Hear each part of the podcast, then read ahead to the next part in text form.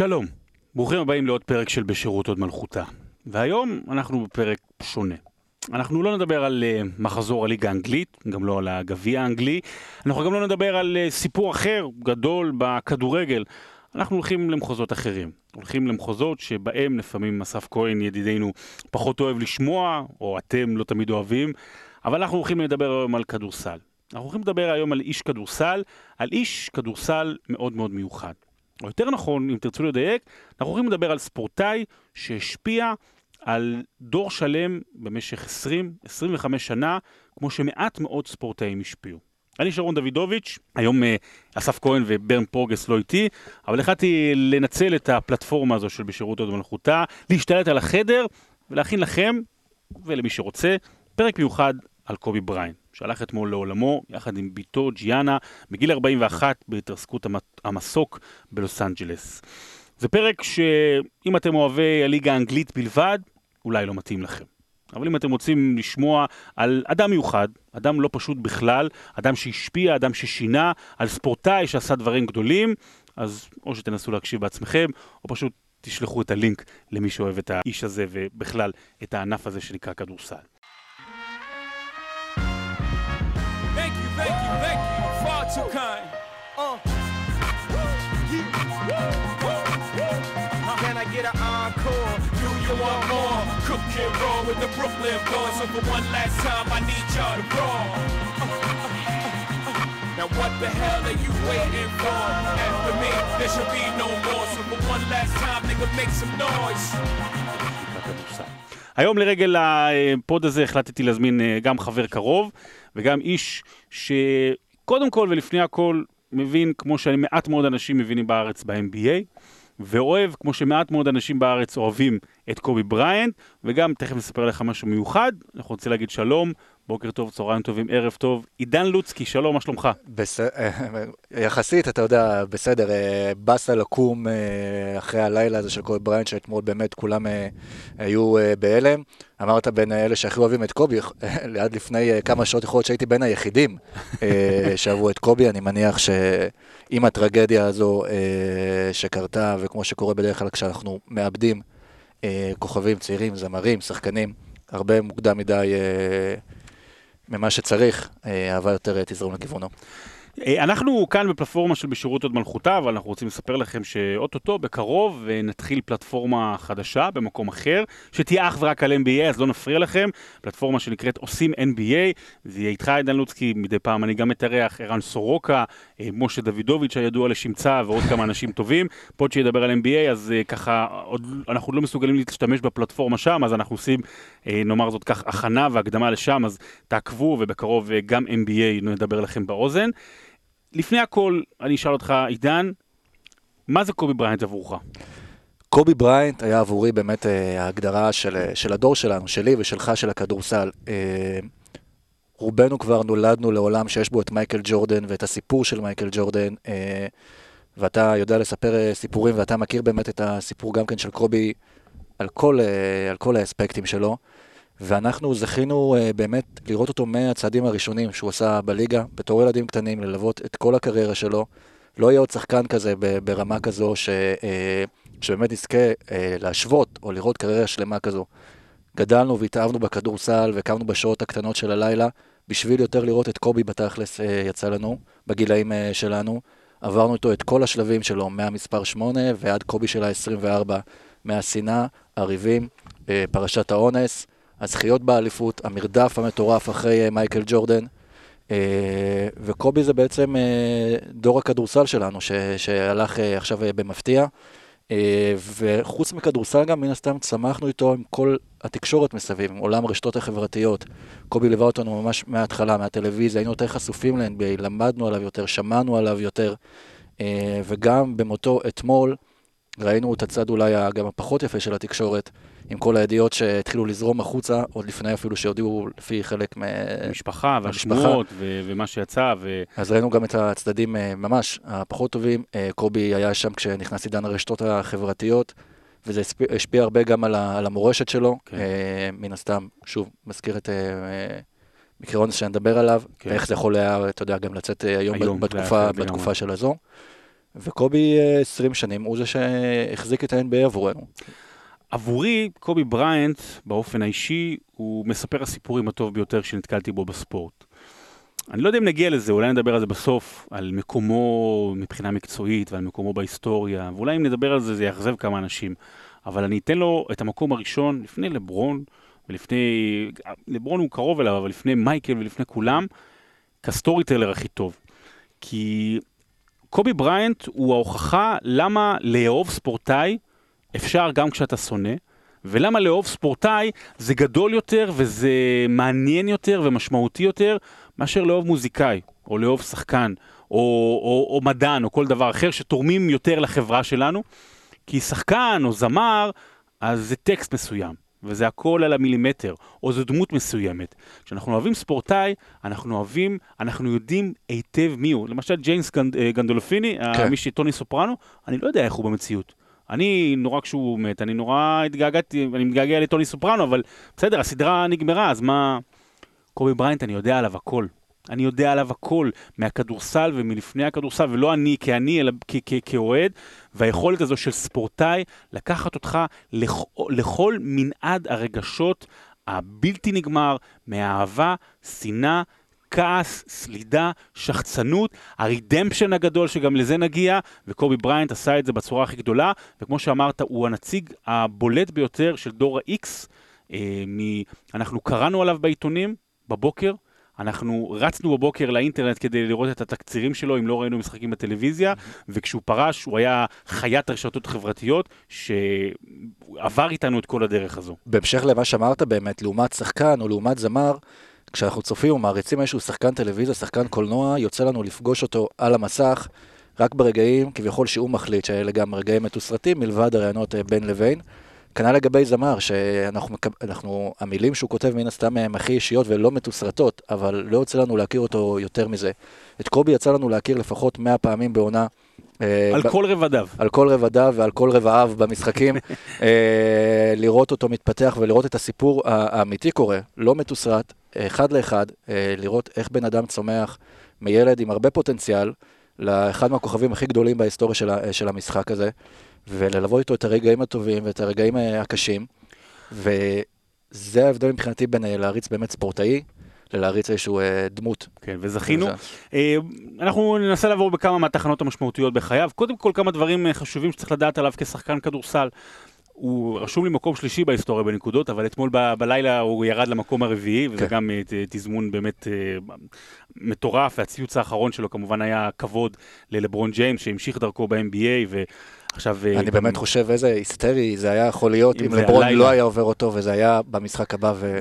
ממש היה אדיר, אה, כאילו ממש אה, סנטימנטלי. השחקן עם הכי ארבעה החטאות בהיסטוריה, מקום עשירי בדקות משחק, מקום ראשון בהיסטוריה בשלשות בפלייאוף, הכי הרבה בחירות לחמישיית העונה, הכי הרבה בחירות לחמישיית העונה הראשונה, 134 משחקים עם 40 נקודות ומעלה, מקום 118 בכל הזמנים, קצת ירד באמת בממוצע אסיסטים למשחק.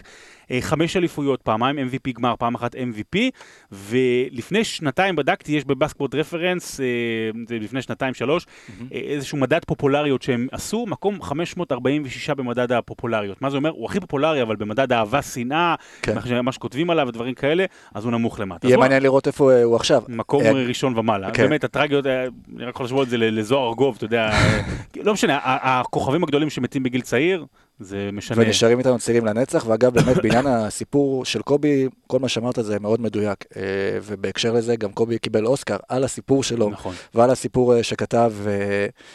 וגם הסוף הטרגי הזה, זה כנראה חלק מהסיפור של קובי לעשות הכל בגדול ולדאוג שלא ישכחו אותו ו- אה, ויבליטו אותו באיזושהי דרך. Friends hangs, סליחה, Friends hangs sometimes, banners hangs forever. מה שנקרא, uh, החברים נשארים לפעמים, uh, או לעיתים קרובות, או לעיתים רחוקות, ו... השלטים, כן. הדגלים של האליפויות נשארים לכל הזמנים. חשבתי באנרים המשפט... של גוגל שאי אפשר כן, להיפטר מהם. זה, זה המשפט שילווה אותנו במהלך כל הזה, התחף שלו, הרצון לניצחון. אז בואו נתחיל מהילדות שלו, ילדות כמובן, אה, הוא נולד אה, בפנסילבניה וב-23 באוגוסט, נולד אביו, היה ג'ו ג'ליבין אה, בריאנט, שחקן עם קריירת NBA יפה, היה גם בגמר יחד עם דוקטור ג'י וניו ג'רז ב-1967. בגיל 6 קובי עובר לאיטליה. שם אה, אבא שלו משחק בכמה קבוצות, גם קצת אה, בצרפת, והוא ממש הופך להיות איטלקי. גם הוא, בהמשך הוא דיבר על זה גם על אהדה למילאן, והוא יודע איטלקית, והוא נורא הוטמע בשורשים שלו מבחינה, אה, בכל מה שקשור ל, לאיטליה, ונורא אהב שמה. אבל אני חושב שדמותו מתעצבת אצל קובי בריינט בקיץ. כל קיץ מחדש. כשהוא היה חוזר אה, ונמצא במחנות כדורסל בארצות הברית, והוא היה מקבל הרבה תמיהות של מי הוא, מי זה האיש הזה, הוא לא פה, הוא לא, לא מארצות הברית, ומי הוא חושב שהוא, כאילו מה, מה הוא משחק אותה, ושם כבר הוא התחיל לקבל את ה... אה, אתה יודע, את האף למעלה ואת הלגלוגים טיפה, והוא אמר, רגע, רגע, אני עם השחצנות שלי, שהגיע מלידה, כי הוא בכל זאת, הוא היה כוכב ענק בילדים באיטליה, ואבא שלו גם היה כוכב אה, כדורסל, אז כבר אז הוא התחיל להרגיש, וכבר אז הוא עטה על עצמו את הדמות של המתבודד, של הזאב המתבודד. אגב, סיפור מעניין על קובי בריינט, שגם מתחבר לכל הסיפור שלו, זה שאחד השחקנים שהוא הכי העריץ כשהוא גדל באיטליה זה את מייק דה אנטוני. מי שלימים היה גם המאמן שלו, אה, וגם קובי בחר לאחר מכן אה, להתחיל את הקריירה עם המספר 8 של מייק דה אנטוני, ולבסוף אה, הדרכים שם הצטלבו. והסיפור של קובי ואיטליה, ומגיע אחר כך לארה"ב, אני מסתכל על קובי בריינט, אולי באמת בתור השגריר האירופאי הראשון ב-NBA. אפשר לקחת את דרזן פטרוביץ' ואת דרק נוביצקי ועוד ועוד דוגמאות של אירופאים שהגיעו ל-NBA ואולי לא העריכו אותם מספיק בהתחלה, אבל גם קובי היה נאלץ להתמודד עם הקשיים האלה. ילד שבא מאיטליה, אאוטסיידר, שאף אחד לא מתייחס אליו, לא יודעים בכלל איזה כדורסל יש שם, מה זה הכדורסל שהוא מביא. אה, והוא בא להוכיח, כאילו גם שהוא יודע כדורסל, וזה שהוא בא מאירופה, לא מפריע לו להיות אה, מי שזה. הגיע אאוטסיידר לארצות הברית, ותמיד, בכל הקריירה שלו, קובי תמיד, קובי בריינט תמיד היה צריך אה, להוכיח. נכון. ואני מחבר את זה שוב, אז לעניין שהוא השגריר אולי באמת הראשון של ה-NBA, כי הוא זה שתמיד עטף וקיבל באהבה את כל האירופאים לאחר מכן שבאו. הדוגמה הכי אחרונה והכי טריה זה הברכה, הקללה שהוא שלח ללוקה דונצ'יץ' בסלובנית, אבל אפשר לראות את זה גם דרך פאו גסול, ואיך הוא אימץ אותו והפך אותו לחבר כמו אח בשבילו, וביחד איתו הוביל את, אה, הלייקרס לשתי אליפויות אה, שכל כך היו חשובות לקובי לקחת אותם אה, בלי שקיל. ואני מסתכל עליו בתור השגריר הראשון של אירופה בארצות הברית. אז באמת אה, קובי בריינט, אה, כשהוא בגיל 13 אבא שלו פורש ממשחק, mm-hmm. הוא חוזר לארה"ב, ואז הוא משחק בתיכון לואר אה, מריון בפילדלפיה. הוא באמת, הוא שובר שם את שיאי הקליעה, שיאי הקליעה דרך אגב של וויל צ'מברלין, זוכה שם באליפות ארצית ראשונה מזה 53 שנה, והדיבור עליו חזק. אבל תזכרו, תזכרו, אנחנו באמצע שנות ה-90. קובי בריינט בחור צעיר, בן 17-18, עד אז היו שניים שלושה אנשים שעברו מהתיכון ל-NBA, זה היה טאבו. הראשון שעשה את זה בשנות ה-80, סוף שנות ה-70 זה היה מוזס מלון. Mm-hmm. 91 בערך זה היה שון קמפ, שגם היה כאילו חודש במכללה, אבל מיד אחרי זה עבר uh, ל-MBA. גם אז לא היה לנו את כל ההיילייטים שעכשיו, כשזיון וויליאמסון מגיע ל-NBA, אתה כבר יודע בערך מה הוא עושה בקריירה שלו מגיל 10 אה, בערך. מגיל חטיבת ביניים. הילד של לברון ג'יימס, כולם כבר יודעים uh, מה, מה הצעדים שלו, איך הוא משחק עם יד ימין, יד שמאל ואיך הוא קולע. והוא כאמור... קווין גרנט עשה את זה ב-95, והמחשבה לעבור ל-NBA בגיל 18 הייתה הזויה, אפילו אסורה, אבל קובי כמו קובי שם פס על כולם. ומתי הפעם הראשונה שאנחנו מתחילים לראות את קובי האמיתי בפומבי? הוא אה, נואם מול, ה, אה, מול התיכון שלו, ואומר, תגיד לי אם המשפט הזה מוכר לך.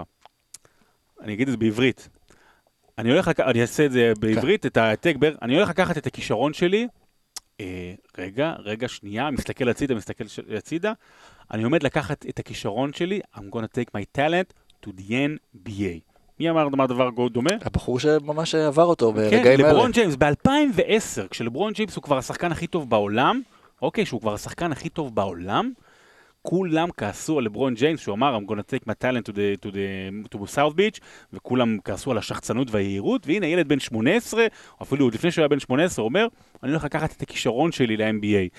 ובדראפט 2000, אה, אה, סליחה, 1996, הוא נבחר רק במקום ה-13 בדראפט, על ידי שרלוט הורנטס, והוא לובש את החולצה, לובש את הכובע כן. של, שרלוט, של שרלוט, עוד באותו הלילה הוא מועבר בטרייד אה, במקום ולאדי דיבאץ', שהיה הסנטר של הלייקרס, עובר ללוס אנג'לס לייקרס, באותו דראפט שגם היה דורון שפר, והוא בגיל 18, 18 ו-72 יום הופך להיות דאז השחקן הצעיר ביותר בתולדות הליגה. ולוצקי, ההתחלה לא הייתה פשוטה, אתה רואה היום אה, מה זיון עושה בימים האלה, ולוקה. ההתחלה שלו ב- ביחס להיום, גם אז, לא הייתה מרשימה. שוב, כל הדברים ש- שקובי בריינט הגיע ל-NBA והפך אותם מבחינתנו ללגיטימיים.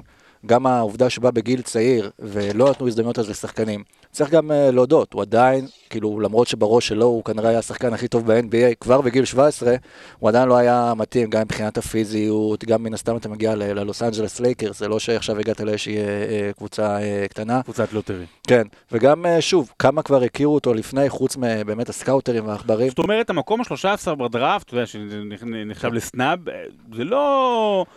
זה לא הזוי ששרלוט בחר אותו רק במקום 13. שוב, מבחינת פוטנציאל, אנחנו גם מכירים את זה בדרפטים אחרים, לאו דווקא יש תמיד חשיבות למקום שאתה נבחר. יאניס נבחר במקום 15, אה, קוואי נבחר, אתה לוקח פוטנציאל ואתה מהמר. כנראה כשאתה ג'רי ווסט ואתה מהמר על פוטנציאל, יש לזה סבירות אה, יותר אה, גבוהה. גם הדיבורים לפני כן היו שהוא היה דווקא כן מועמד להיבחר במקומות הראשונים. אבל uh, הוא והפמליה הקרובה שלו מאוד uh, סימנו uh, לשאר הקבוצות שהוא uh, רוצה כנראה להגיע ללייקרס. כדי שתבינו, הוא, בעונה הראשונה שלו אפילו לא היה, לא היה, לא רק שהוא לא היה רוקי העונה, הוא לא היה בחמישיית ה rookies. נכון. תראה, לברון היה רוקי העונה, מייקל היה רוקי העונה, אתה יודע, הוא לא היה בחמישיית ה rookies. בעונה השנייה גם הוא התחיל טיפה לקבל מקום בחמישייה, רק בעונה השלישית, כשהוא כבר בן 20, הוא מקבל מקום בחמישייה השלישית של העונה ב-NBA. זאת אומרת, הוא נבחר בעונה השלישית, אוקיי, לאחד מ-15 השחקנים הכי טובים בליגה. בגיל 20. אז היה עכשיו צעיר מאוד, היום זה כבר, אתה יודע, אוקיי, 20 אתה כבר צריך להביא אליפויות. אבל קובי עדיין תמיד יודע איך למצוא את הדרך שלו לבלוט. אז אם זה בתחרות ההטבעות, נכון. כדי להישאר תמיד uh, בשיח של אנשים, ואם זה מה שאנחנו עוד מעט נדבר עליו, uh, על סדרת הפלייאוף uh, כן. האלמותית שלו, שאולי כאילו באמת... עיצבה אותו. בדיוק. אז זהו, בוא נגיע לדבר המשמעותי ביותר שקרה לו בעונת הרוקי. משחק מספר 5 בסדרת חצי גמר המערב, לוס אנג'לס לייקרס מול אה, יוטה ג'אז, עם קרל מלון, 1997 כמובן, קרל מלון וג'ון סטוקטון, שיעשו בהמשך את הדרך לגמר ראשון בקריירה שלהם. שקיל אוניל יוצא לקראת סוף המשחק בשש עבירות, הערכה. וקובי, הרוקי, ששוב, רוקי שהוא לא, לא רוקי וואו, לוקח על עצמו את המשחק. ולפני הערכה ואחרי הערכה הוא לוקח ארבע זריקות משמעותיות, כל הארבע זריקות, איירבול. איירבול, כל הארבע זריקות. הוא קיבל על זה המון ביקורת אחר כך, כמובן לקרס הפסידו, יוטה ניצחו 4-1, קיבל על זה המון ביקורת, אבל אתה יודע, שקיל באותו משחק אמר, אני, אני, אני תומך בו, הוא is my boy, כל הכבוד לו, הוא ניסה לנצח לנו את המשחק, ואני חושב ששם עוצבה, עוצבה דמותו וחוצפתו של קובי בריינט. שם הוא בעצם אמר לכולם, אה, תבינו, אני הולך אה, להיות גדול יותר מהמשחק הזה, אני הולך לקחת אחריות, אני הולך להיות המנהיג של הקבוצה, אם לא עכשיו אז אולי בהמשך, אני לא מפחד מכלום. ילד בן 17, לקחת גם זריקות כאלה חשובות ולזרוק איירבול ולהחליט לזרוק עוד איירבול, לא, לא להחליט לזרוק איירבול, אבל זה, זה מה שקורה בסוף, ושזה לא יפריע, זה רק מראה כמה מפוקס, וזה בלתי נתפס בגילאים uh, כאלה, uh, לנצח, שאתה גם עולה ומשחק מול דמויות כאלה, כמו ג'ון סטוקטון, מול קארל מלון, במעמדים כאלה גדולים, ואתה יודע, חואבוס אה, גדולים כן. גדולים, מותר להגיד פה? חואבוס שצריך להגיד... זה הליגה האנגלית, זה אקס, אקס. אקס, כן, בנדיקט. בולקס, בולקס. כן, אז זה גם חלק מהקוטביות של קובי מבחינת המעריצים שלו. היו כאלה שראו את זה וברגע זה התאהבו בקובי בריינט ובחוצפה שלו, והיו כאלה שאמרו, מי זה הפישר הזה ש, שמגיע וחושב שהוא גדול יותר דרק פישר. אה, כן. מאלדן קבל, מאדי ג'ונס, משקיל, למה הוא חושב שהוא יכול לקחת את עצמו יותר... ניק ואן אקסל, אני חושב, עוד היה שם. כן. Uh, ואז הרגע הגדול הבא, או אחד המשמעותיים בקריירה של, של קובי בריינט, מגיע חצי שנה לאחר. זה הגיוני שמתבלבלים גם. כן.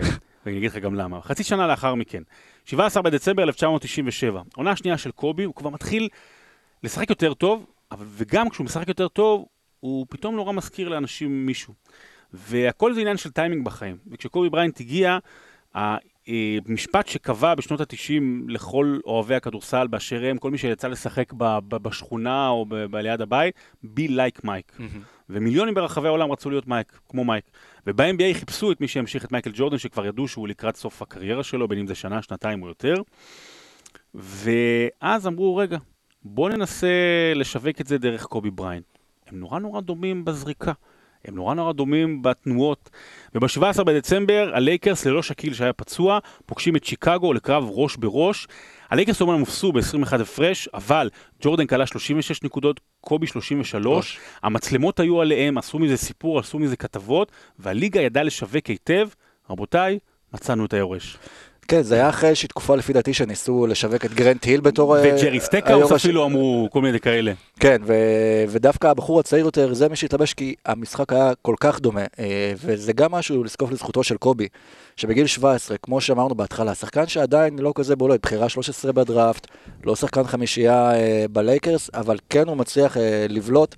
ולהזכיר בדמיון שלו את המשחק של מייקל ג'ורדן, והליגה, ליגה כמו NBA יודעת לקחת את הדבר הזה ולחבר אותו, ויש תמונה נהדרת מהמשחק הזה, שהיא עד עכשיו בתמונת ה desktop שלי על המחשב, שרואים את קובי ובריינט אה, בשיח ביניהם, כשקובי שואל אותו ומבקש ממנו שיסביר לו איך הוא עושה את ה fadeaway המפורסם.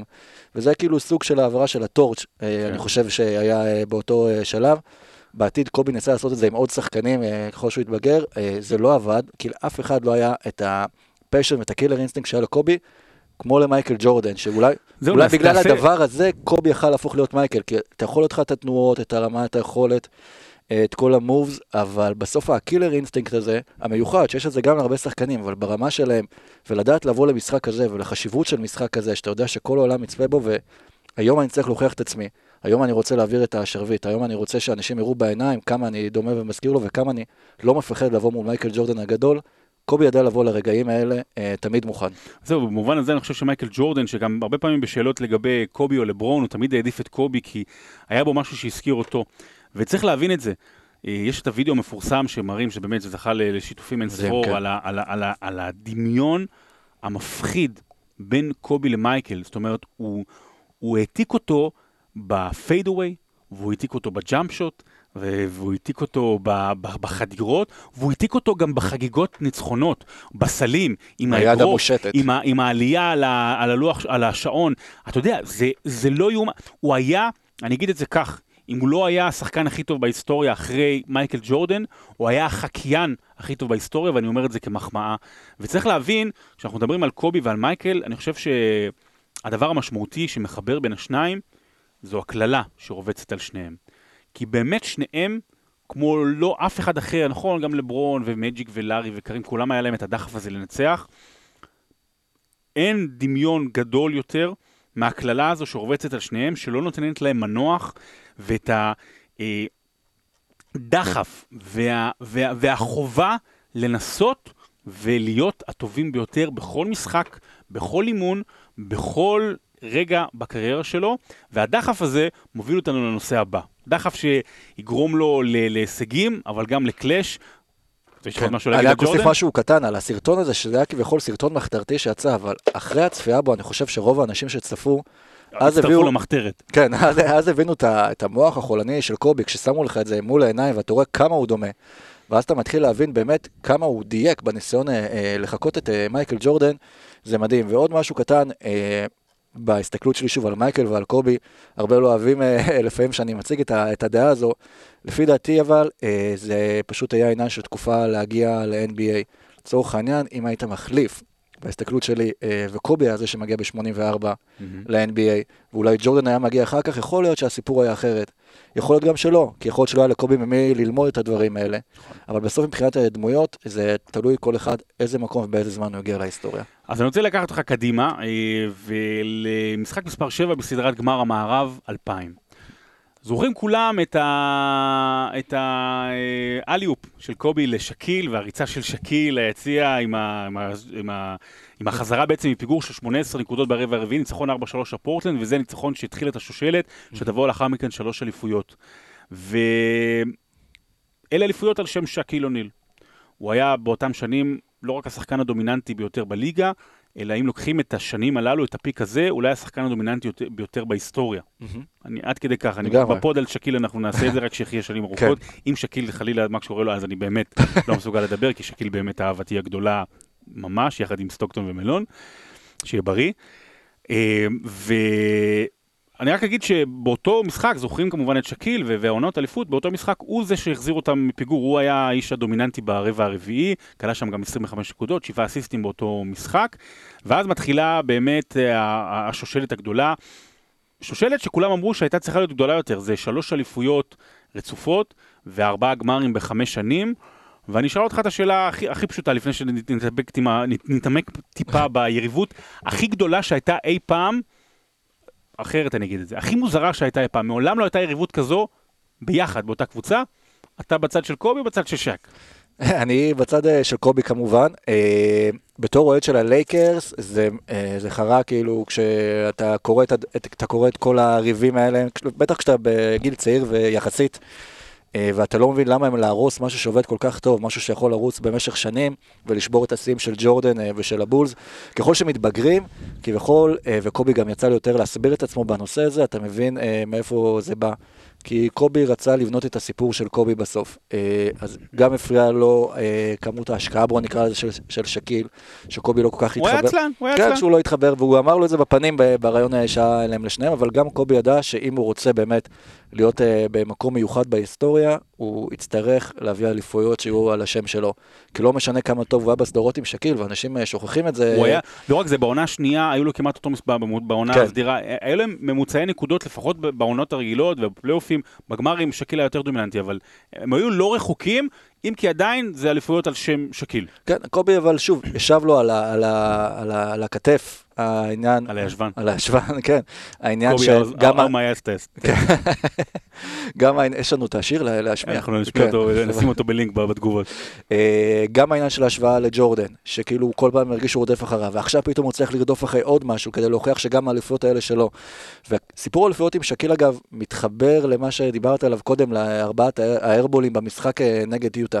כי כמו שאז ששקיל יצא וקובי לקח על עצמו ולא הצליח, אז יש את סדרת הגמר נגד אה, אינדיאנה, שגם כן שקיל יצא אה, בשש עבירות, וקובי אמר, I got this, ובעצם ניצח ללקרס אה, את הסדרה, וזה חלק מהתהליך ומה, ומהצמיחה שלו, וכנראה משהו היה צריך לעבור לרגע הזה. בסוף הם נפרדו, כי קובי כנראה לא רצה את שקיל, הוא רצה שהשם שלו יהיה על האליפויות האלה, הוא ידע איך הוא רוצה לרשום את השם שלו בהיסטוריה, הוא יודע שכל עוד שקיל לידו זה, זה לא יקרה, כי תמיד יגידו שהוא היה אולי כינור שני, שהוא לא יכל לעשות את זה בלי אה, אה, שקיל. והוא מבחינתו פעל נכון, הוא גם האמין בעצמו ו- וצדק. ושניהם היום בדיעבד אומרים שהרסו אולי כן. את השושלת הכי גדולה בהיסטוריה, תמיד כיף להגיד בדיעבד, אבל אולי הם עוד היו זוכים בשש-שבע אליפויות. תראו, אין ריב גדול יותר, מתוקשר יותר וזכור יותר בהיסטוריה של כדורסל בין שני אנשים, אה, אפילו בספורט, כי זה לאורך תקופה ארוכה מאוד כשהם שיחקו, אחרי שהם שיחקו. ב-2008 השיר המפורסם של שקיל אוניל הגיע אחרי שקובי הפסיד את סדרת הגמר לבוסטון, ואומר, שואל אותו, אה, קובי, איך, איך, איך התחת שלי מריח, כן. או, איך התחת שלי, מה הטעם שלו? לא ראיתי ריב כזה בתוך קבוצה מאז הלהקה. אבל ציפי, מה עם הסולו? אה, עכשיו, אתה יודע כמה, היריבות שלהם גדולה, הבת הבכורה של קובי, שיאנה, אה, נכון? זו הבת כן. הבכורה. עליה שלום, היא נולדה שש דקות לפני בת הבכורה של שקיל. עד נכון. ככה היריבות ביניהם הייתה גדולה. מדובר בשני הפכים, הכי קל זה להתחבר לשקיל. כי הוא היה ליצן, והוא היה בדרן, והוא היה ראפר, והוא היה שחקן, והוא היה, היה כיפי, הוא חברמן. אבל כשאנחנו חושבים על זה, אז אתה יודע, בסופו של דבר קובי רצה עבודה. קובי היה מקצוען ברמה הכי גבוהה שהמקצוע הזה יכול לדרוש, אולי רק כמו שמייקל ולברון אנחנו מכירים. קובי היה צריך את שקיל בשביל האליפויות האלה, ושקיל היה צריך את, את, את קובי. אף אחד לא היה לוקח את האליפויות האלה בלעדיהם, ושניהם ביחד אה, היו צריכים את פיל ג'קסון גם כן אה, מעליהם, וגם ההצטרפות של פיל ג'קסון ללייקרס, זה אולי מה שבאמת הביא אה, לקובי את השינוי בקריירה שלו, אחרי שלוש שנים שבהן בעצם צמח מגיל 17 עד גיל 20. רק כשפיל ג'קסון הגיע, וקובי היה לו מאמן אה, שבעצם אימן את, ה, את האיידול שלו, והוא ידע שממנו הוא יוכל לתת לו, להתוות בפניו את הדרך, כמו שהוא עשה למייקל ג'ורדן, שהוא ראה איך ג'ורדן התפתח, והוא יוכל אה, אה, לקחת אותו בתהליך הזה, זה בעצם מה שעשה את הזינוק של קובי, גם באליפויות הראשונות, וגם כשג'קסון חזר אחר כך לאליפויות בהמשך. אני רק אספר בקצרה על תולדות הסכסוך, אתה יודע, הם רבו באימונים. פיל ג'קסון, אומרים לו איך, איך הוא היה, איך הוא הצליח להיות יריב אה, מנטלי למייקל ג'ורדן, mm-hmm. ואז איך הוא הצליח במשך שנים לחבר בין הדו-קוטביות הזו, בין קובי לשקיל, זה באמת היה מדהים מה שפיל ג'קסון עשה. תוכנית המאה. תוכנית המאה, כן, זה, זה, זה פשוט, לא, לא יותר מזה. אה, אתה יודע, היה, הם, הם רבו, אה, שקיל אמר, אני לא מוכן להיות הבייביסיטר שלו. אה, כשפיל ג'קסון הגיע, אז הוא ישר התחבר יותר לשקיל, בגלל האופי, גם שיטת המשולש, כמובן ששמה את הסנטר באמצע. וקובי, היו לו מצבים שהוא עשה, הוא עשה שביתות איטלקיות. הוא ביקש כמה פעמים טריידים, היום הוא, אני, אני, אני לא מוסר מספיק, אז אוקיי, הוא לקח נגד סקרמנטו שלוש זריקות במשחק שלם. הוא עדיין איטלקי. שביתה איטלקית, כן, כל מיני דברים כאלה, אז באמת, אה, ו, ו, אבל, אבל מה שיפה זה שבשנים האחרונות אה, זה, זה, זה נשאר מאחור, והם היו, הפכו לחברים טובים, וכזה, כמו זוג שהיה יכול לצאת ממנו משהו יותר גדול, ו, ואני חושב ששקיל הוא חלק בלתי נפרד מקובי. הפוסטים של שקיל אתמול אה, היו מאוד כואבים, אה, כן. איך שהוא קרא לו, באמת, אה, אח שלי ו- ו- ולג'י-ג'י. הוא באמת אח שלו, כי... החנין שלי, ואולי שני פוסטים שכאילו לא הספיק אפילו להעביר בפוסט אחד שהוא עשה בשביל קובי ואחר כך על המשפחה, עם תמונה של קובי עם הילדים של שקיל, שממש הם גדלו ביחד, ושוב, עם השנים הם, התחברו מחדש וזכו. הערכה אחת כלפי השני יצאה החוצה, הייתה כן. בפנים, אבל כאילו הם טענו שאחר כך שזה היה תעלול תקשורתי קצת והם הגזימו, אבל זה לא, זה היה, זה היה אמיתי, וזה לקח וזה עשה המון עניין סביב הליגה, וזה יצר לנו הרבה עניין. ועכשיו אנחנו מגיעים אה, לנקודה שחורה, כתם שחור, אה, שאני לא חושב, אני, לא, אני חושב שזה לא נכון לא לדבר על הדבר הזה, בוודאי בימינו אנו, אבל בכלל, אה, כי זה משמעותי בחייו ובקריירה של קובי בריינט. בראשון ביולי 2003, בעודו בלייקרס, קובי בריינט מגיע לדנבר. יום למחרת הוא אמור לעבור שם ניתוח בברך. הוא פוגש עובדת של המלון, חדרנית, בת 19, שניהם מפטפטים טיפה ועולים לחדר. ומה שידוע ומוסכם על כל הצדדים, אלה הדברים הבאים. שניהם קיימו יחסי מין, ולא סתם, אלא יחסי מין ברוטליים, יש להגיד, אני לא אכנס לפירוט. אה, יש שם חניקת צוואר, שלא ידוע אם היא נעשתה בהסכמה או לא, אתה יודע, אם חלק מענייני אה, המין, תפיסת שיער, הכנעה על הכיסא וגם דם שהיה על החולצה של קובי בריינט. אה, אנחנו יודעים שעל פי קביעת האחות בית החולים שטיפלה במתלוננת לראשונה יום אחרי, הסבירה כי הפגיעות באיברי המין תואמים למין בכפייה, לא בהסכמה. אחרי כמה שעות המתלוננת יוצאת מחדרו של בריינט ועוזבת את המלון כשעל פי עדי ראייה היא נראית אה, נסערת, כבר שם היא הגישה יום אחרי זה תלונה במשטרה. קובי בריינט מובא למעצר ואמריקה נכנסת לסערה כמו שהיא אוהבת במרכאות, אתה יודע, עם הכוכבים שלה, היא, יש לה עדיין זיכרון טרי עם או.ג'יי סימפסון והכוכבים הגדולים ומה קורה. הארצות, התקשורת בארצות הברית פשוט בטירוף, אה, באמת, אה, יש, יש, הולכים למשפט, הם, אה, מתנהל משפט אה, פלילי, הוא מגיע לפעמים באיחור למשחקים, זה היה משחק בדנביר שהוא הגיע באיחור ברבע הראשון כי הוא הגיע רק מה, מה, מהמשפט. שוב, בהקשר אה, רע מאוד אה, לדברים, אתמול המשחק הראשון, ברגע שהודיעו אה, על המוות של קובי היה... דנבר. בדנבר. כן. ואי אפשר, אפשר לשכוח את הלילה הזה בקולורדו. אה, עכשיו גם המשפט מתנהל שם בצורה כמו שאנחנו רגילים מהסרטים, שהצד התוקף מתחיל לתקוף את הצד, את הקורבן. אה, שהיא קיימה, מיד אחרי שהיא קיימה עם, יוסי, עם, עם, עם קובי בריינט יחסים, אז היא קיימה עם, מישהו אחר, דיברו על האופי המיני שלה, הזול, נאמר את זה כך, אה, הפיצו סיפורים עליה, ואמרו שלפני זה, שנה לפני זה היא ניסתה להתקבל לאמריקן איידול, והיא מנסה להתפרסם. בסופו של דבר, כשהיה אמור להגיע הרגע שלה להעיד וגם להיחשף, אה, היא ויתרה על זה. אנחנו לא יודעים למה. העניין הלך למשפט אזרחי, שהיא רצתה לקבל שם פיצויים, ובסופו של דבר העניין הושתק בהסכם פשרה מחוץ לכותלי בית המשפט. עכשיו, זה סיפור לא ידוע, על אדם לא ידוע. על פניו זה נראה כאילו הכוח והכסף ניצחו כאן, זה מה שנקרא סיפור לגיטימי, אה, דבר כזה, אבל אנחנו שוב באמת לא יודעים מה היה שם. אנחנו יודעים אה, שלושה דברים. אחד, שזה לא יותר מדי השפיע בהמשך. תמיד זה תמיד שם, אבל זה לא השפיע יותר מדי, ואנחנו רואים גם כמה אהוב, לכו תראו את טקס הגרמי, שהיה את ההומאז' הענק. זה, סיפרת לי תכף סיפור גם, ששדרית הזכירה את האונס לאחר, ה, לאחר המוות למעשה, והוא שתה. הושעתה, כן. זה, זה קצת מוזר. מעניין מאוד מה היה קורה אם הסיפור הזה היה מתרחש היום בעידן המיטו. ואנחנו יודעים עוד שני דברים. אנחנו יודעים שמבחינה משפטית הוא לא אשם, אנחנו חיים על פי העולם הזה, ומבחינה ציבורית, שמו לאחר כמה שנים נוקה. זה סוגיה שמאוד קשה להתייחס אליה, אבל אי אפשר שלא להתייחס. אה, אם אנחנו מנסים להסתכל על היום, אה, אני חושב שהדוגמה אולי הכי טריה בהקשר הזה, וגם אפילו אם תסתכל על האופי של השחקן אה, מבחינה, מהבחינה הזו, ואנחנו כבר בפוד על כדורגל, אז המקרה של קריסטיאנו רונלדו לפני שנה, שנתיים, כן, שנה וחצי. שנה וחצי בלאס וגאס, שגם כן הואשם ב- ב- באונס של, של בחורה אחרי מסיבה, סיפור בערך די דומה מבחינת כל אם, אם כי לא הגיע לאותם לבלים, כן, ולא אבל לאותה מבחינת רמה, ולא הצד משפט, התוקף, כן. אה, כביכול אותן, אותן טענות אה, אה, שנשמעו, וזה כתם ש- ש- שישב על קובי, גם מבחינת הקהל ש- שאוהב אותו, שהיה קצת קשה לעכל את זה, הרבה רגשות אמביוולנטיים, כלומר, איך, איך להתייחס לדבר הזה של מישהו שאתה כל כך אוהב, ואתה יודע, ואתה לא רוצה להאמין שזה נכון, ואתה נאחז בעובדה ש... מבחינה משפטית זה לא נכון, ו... נכון, ומן הסתם, מן הצד השני, שכביכול אה, השונאים או הלא אוהבים של קובי, זה היה איזושהי הזדמנות אה, מצוינת בשביל להוציא אותו מהמקום בהיסטוריה. זה היה נורא מתאים, זה היה נורא מתאים לכל מי שתיאר את הדמות של קובי כשחצן וזה, זה נורא התאים לאיש שלוקח את הדברים לעצמו. בסוף כל דמות ש... אה, שזוכה לתעודה, או שמדברים עליה, זו דמות שהיא שנויה במחלוקת, ולקובי היו הרבה כן. דברים מבחינה טובה, ספורטיבית, ש... שהיו שנויים במחלוקת, והיו נתנים משני, משני הצדדים, ולצערנו קרה גם הדבר הזה, ש... ששוב, זה ממש מעניין לראות איך זה היה מתרחש היום בעידן של המיטו. ונזכיר כמובן באירוע הזה את, ה... את המסיבת עולם המפורסמת, שהוא mm-hmm. ממש בקושי התקשה לדבר ובכה, ואת שאלה אם שם הוא בכה, או שזה היה בכי תמרורים. אה, ו- ועם הטבעת יהלום אה, לוונסה, כן. עם אה, ארבעה, שעלתה ארבעה מיליון דולר כ- כפיצוי על הבגידה. זה גם מתקשר לעכשיו, בגלל שבשנים האחרונות, בעיקר אחרי הפרישה, אנשים למדו להכיר ולראות כמה קובי בריינט הוא איש משפחה. כן.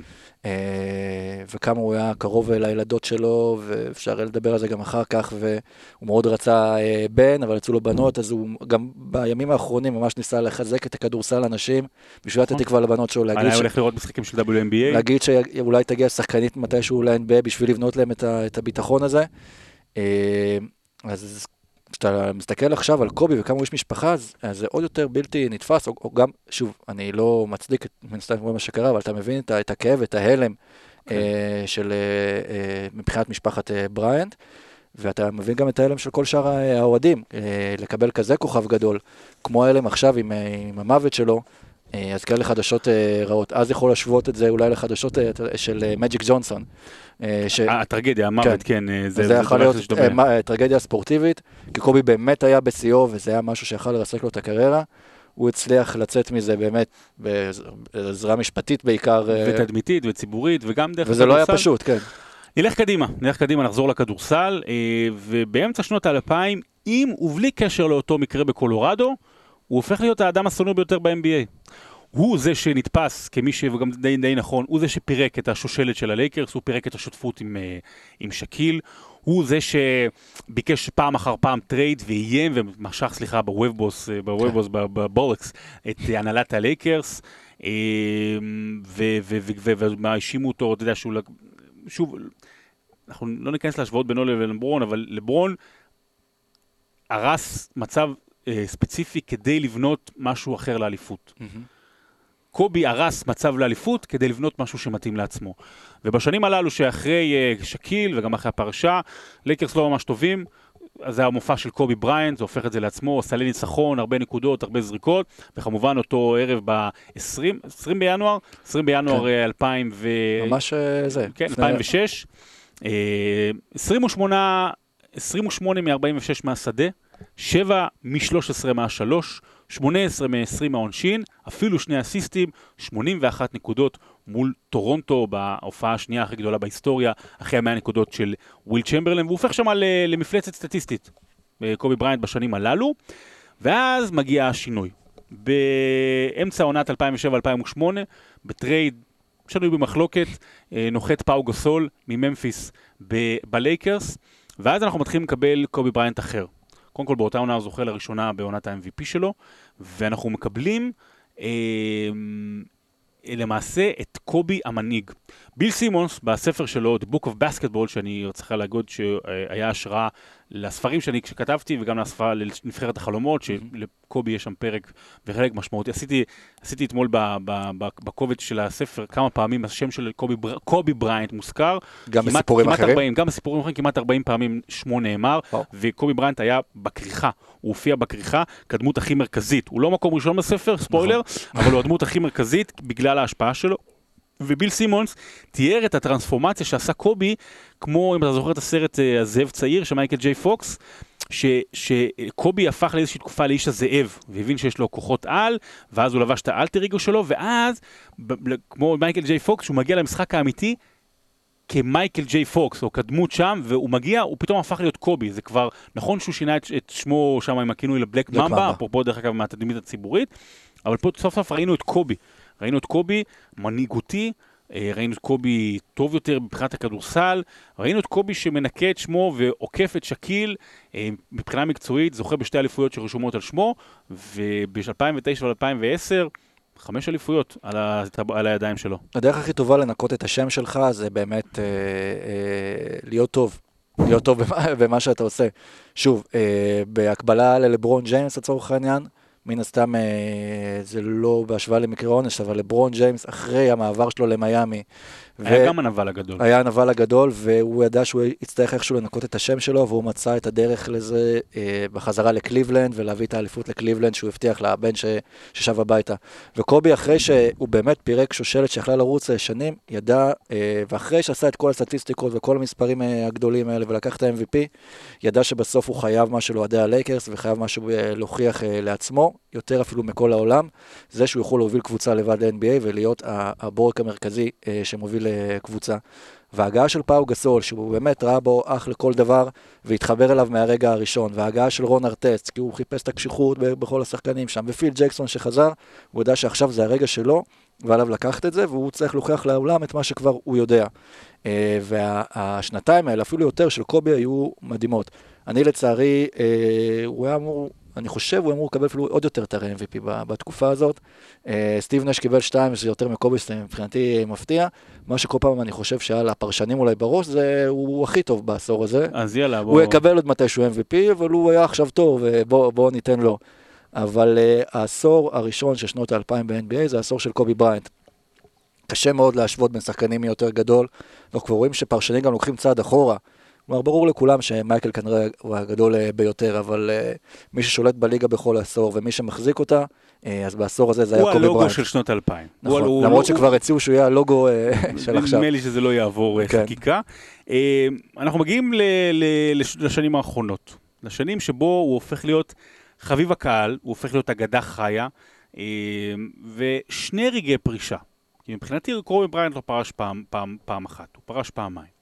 הפעם הראשונה שקובי בריינט, שאנחנו מכירים, השחקן פרש, בא על כורחו, זה היה במשחק הלפני, האחרון של העונה, או לפני האחרון של העונה, בעונת 2012-2013. לייקרס מול גולדן סטייט. והוא נותן משחק ענק, ושתי דקות לסיום הוא נופל וקורע את גיד האכילס. הוא לא יכול לעמוד, הוא הולך לעונשין, קולע 2 מ-2, ומדדה לחדר ההלבשה. בסוף הלייקרס ינצחו בשתיים, וזה מה שהבטיח, זו הקבוצה הגדולה שנבנתה עם נש, האווארד, גסול ו- וקובי, והייתה אמורה באמת אה, להצליח, אה, והיא לא הצליחה, אבל הבטיח לה את המקום בפלייאוף, ובאמת ראו איך הוא מקריב את גופו למען הלייקרס, מה שאולי יהפוך אותו ללייקר הגדול בכל הזמנים, גם אם זה היה פחות טוב, או פחות אה, הישגים ממג'יק, ו- ו- או קרים, או איך שלא תסתכלו, אבל כלייקר, כסמל, הוא היה הכי גדול. אה, אחר מכן אה, המון המון פציעות, גם במרפק, ו- וכמובן אכילס, והוא בקושי הגוף כבר שיחק. בגד בו. ואז הוא התחיל את העונה האחרונה שלו, אה, גרוע מאוד, באמת, הוא שיחק גם בפנטזי, אנחנו משחקים הרבה, כן. פשוט נוראי, אי אפשר היה להחזיק בו אחוזים, היה, היה, היה פשוט נוראי. אני מתרץ את התקופות הרעות שלי בפנטזי ב- בגלל קובי. ברגע ש- ש- שהחזקתי ברור. אותו. כן. ואז הוא מחליט, אוקיי, אני, הגוף לא יכול יותר, והוא הופך אה, את העונה האחרונה שלו למסע ענק, למשחק פרידה כל משחק, ואז יש את רגע הפרישה שלי. שזה אגב גם יצר, שוב, אה, רגשות אה, אמביוולנטיים, כן, כן, כאילו. כי חלק אמרו, מה זה הקטע הזה שבכל מקום הוא צריך את הטקסט הזה, וחלק אמרו, ככה צריך להיפרד אה, נכון. משחקן. כן, וגם הוא עשה, במקום להודיע, נגיד, אוקיי, בשבוע הבא אני פורש, למשל דרק נוביצקי, אתה יודע, הוא אמר להם, תראה את ההבדל בין שני כן. השחקנים ובין שני האנשים, אבל בסדר, זה ההבדלים. ורגע הפרישה האמיתי מתרחש במשחק האחרון של עונת 2015-2016. עכשיו, שתבינו, קובי בריינט היה מניאק. קובי בריינט היה מניאק על המגרש ומחוץ למגרש, רק שיש הרבה דרכים לומר את המילה מניאק. יש מניאק, וכמו בפלאשדנס עם השיר, ויש maniac, ויש באמת אלף ואחת דרכים לומר מניאק, והוא היה כל אחת מהדרכים. ואני חושב שאין מניאק מבחינת כדורסל יותר ממה שהוא עשה במשחק האחרון שלו. תראה, שני אירועים התרחשו במקביל באותו לילה. גולדן סטייט, במשחק האחרון שלה, עמדה לשבור, אם היא מנצחת, את שיא הניצחונות העונתי בהיסטוריה של ה-NBA במשחק אולי כמעט הכי קבוצתי שיש, שאנחנו מכירים כאילו בעולם, אולי פחות מפוטבול, אבל הכי קבוצתי שיש. משחק קבוצתי, לרשום 73 ניצחונות ותשעה הפסדים, לשבור את השיא האלמותי של מייקל ג'ורדן ושיקגו בולס בעונה 95-96. ובמקביל, יוטה ג'אז התארחה, אותה יוטה מאז, מה, מהפלייאוף ההוא, התארחה מול קובי בריינט ולייקרס, זה משחק חסר חשיבות, גם, גם, גם יוטה, גם הלייקרס לא, לא היה להם שום סיכוי להגיע לפלייאוף. סתם, משחק שבו קובי בריינט פורש. וקובי בריינט באותו משחק לוקח 50 זריקות, מחזיר את, uh, את לייקרס מפיגור של 15 נקודות, קולע סל לניצחון, קולע 60 נקודות, ומה לדעתך היו הכותרות בבוקר שאחרי ב-ESPN בכל מקום בעולם? לא השיא ההיסטורי הקבוצתי בענף קבוצתי, אלא 60 הנקודות של קובי בריינט שפורש, כמו שרק קובי בריינט יודע לפרוש. קובי בריינט uh, בסוף בא לטובתו של מייקל ג'ורדן, הוא אמר, uh, אני אעלים את, השיא הזה שלוקחים אותו ממך, ואני אעביר... אף אחד לא יזכור אותו. כן, ואני אעביר את הפוקוס אליי. Uh, כמו שג'ורדן אגב פעם אמר, there's no I in team, but there's I in win. uh, ושוב, בהסתכלות אחר כך לאחור, שהם לא לקחו את האליפות גולדנסט למרות העונה המטורפת הזו, הוא כאילו בעצם בא ואמר, יש דברים יותר גדולים מהמספרים האלה.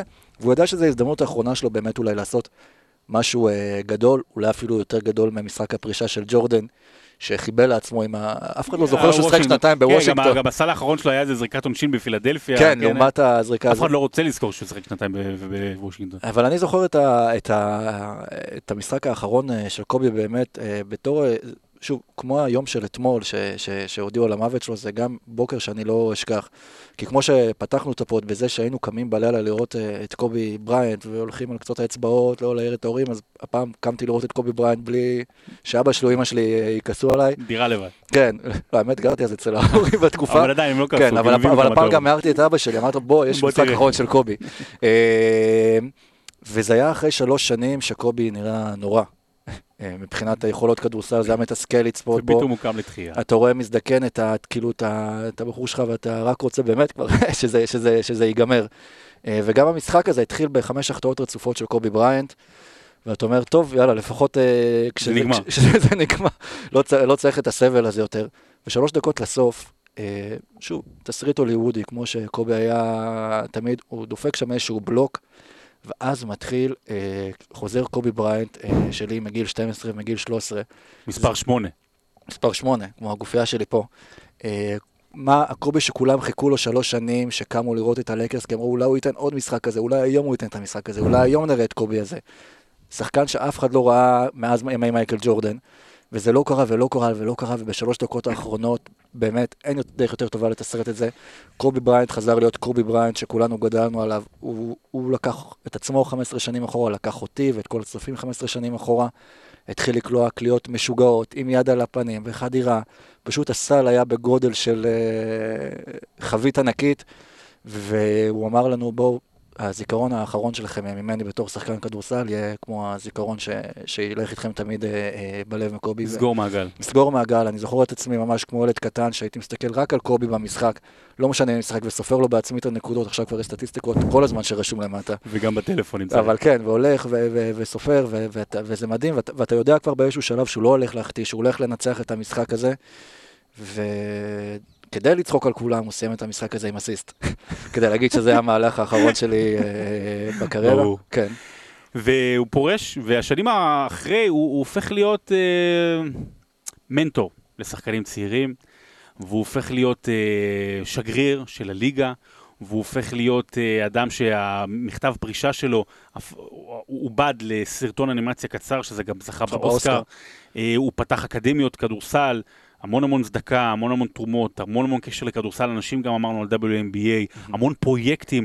הוא היה במשך שנים, היריבות הכי גדולה שלו הייתה לא, עם שק, לא רק עם שקיל, אלא עם ESPN. כן. הוא תמיד נורא נורא, זה, ובדירוגים, נורא, ואז פתאום הוא הפך להיות אה, המנתח שלהם. זאת אומרת, הוא עשה להם אה, אה, פרשנויות מיוחדות באתר ESPN ובטלוויזיה, והוא הפך להיות אה, דמות אה, גדולה מהחיים, שכמו מייקל, דרך אגב, שגם אחרי הפרישה נראית אותו דבר. אתה יודע, לא, לא משמינה כמונו, כן. לא, לא, מה אתה מסתכל על הבטן? לא משמינה כמונו, אה, לא משתנה, כאילו נשארת נורא טיפ-טופ, והפך להיות בן אדם מאוד מאוד אה, אהוב, כי אתה רואה אותו, אה, אני, אתם צעירים לא יודעים, אני ראיתי את קובי, כשהוא, איך הוא שיחק פעם. קובי יום אחרי הפרישה שלו היה כבר בשבע בבוקר אה, במשרד. אה, מספרים שהעובדים באו וראו אותו יושב במשרד כבר אה, עובד, כאילו אתמול אה, היה עוד יום רגיל בעבודה, או בדיוק סיים לעבוד, או לקח תקופת צינון והלך לאחר מכן למשרד. אני חושב מאוד שמחנו לראות את קובי בתקופה של אחרי הפרישה, כדי לראות שיש הרבה שעוזבים את הכדורסל ומתנתקים ממנו, שלא יכולים לגעת בזה יותר, שמקבלים את הפרישות בצורות שונות, אבל קובי הבין את האחריות הגדולה שיש עליו. הוא גם הלך להתעסק בעוד דברים שעניינו אותו, אבל הוא ידע את החשיבות ואת הערך שיש לו לכדורסל.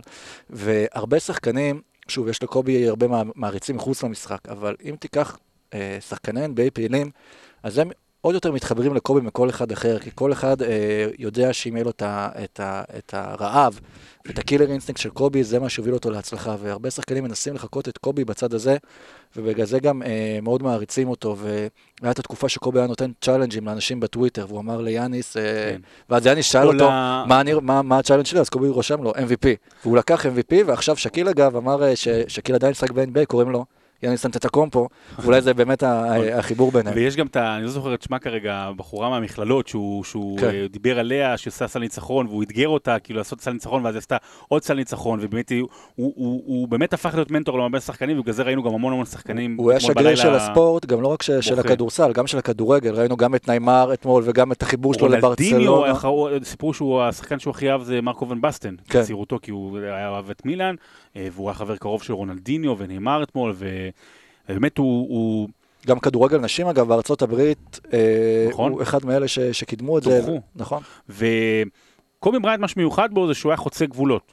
הוא אחד הבודדים, אני יכול לספור על שתי ידיים, מאז שאני חי, את כמות הספורטאים שגם אימא שלי וגם השכן שלי, או הדודה שלי שלא מבינים בספורט, יודעים שיש דבר כזה שנקרא קובי בריינט. הם שמעו עליו, וזה קובי בריינט, וזה מייקל ג'ורדן, וזה מסי, וזה רונלדו, וזה עוד, לא יודע, שניים, שלושה, לא יודע, יוסיין בולט ודברים כאלה, והוא שם.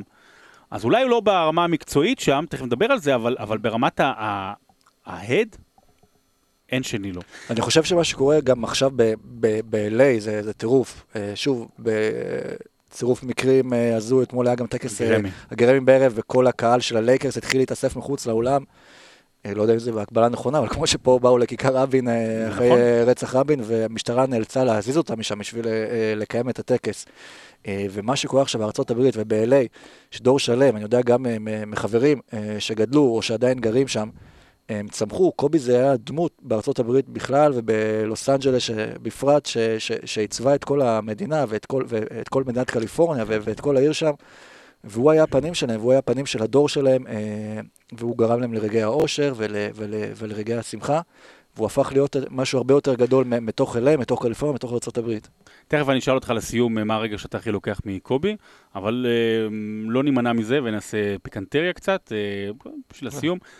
קצת דירוגים, קצת עניינים, באמת מקומו ההיסטורי המקצועי של קובי בריינט על הפרקט. אמ, אני אשאל אותך שתי שאלות, אחרי זה אני אדרג ברשותכם.